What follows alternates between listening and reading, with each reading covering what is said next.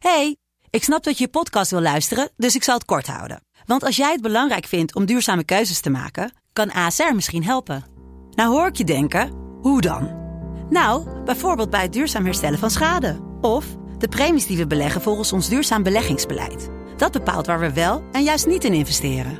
Wil je meer weten over welke duurzame keuzes ASR maakt? Ga dan naar asr.nl slash duurzame keuzes. ASR doet het. Zo, dan kan je nu lekker naar je podcast luisteren. Hey, ik snap dat je je podcast wil luisteren, dus ik zal het kort houden. Want als jij het belangrijk vindt om duurzame keuzes te maken, kan ASR misschien helpen. Nou hoor ik je denken, hoe dan? Nou, bijvoorbeeld bij het duurzaam herstellen van schade. Of de premies die we beleggen volgens ons duurzaam beleggingsbeleid. Dat bepaalt waar we wel en juist niet in investeren. Wil je meer weten over welke duurzame keuzes ASR maakt? Ga dan naar asr.nl slash duurzame keuzes. ASR doet het. Zo, dan kan je nu lekker naar je podcast luisteren.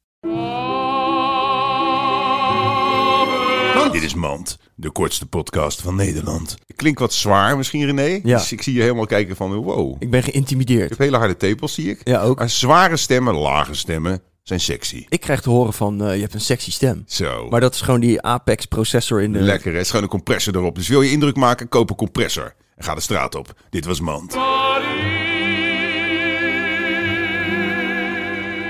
Mand.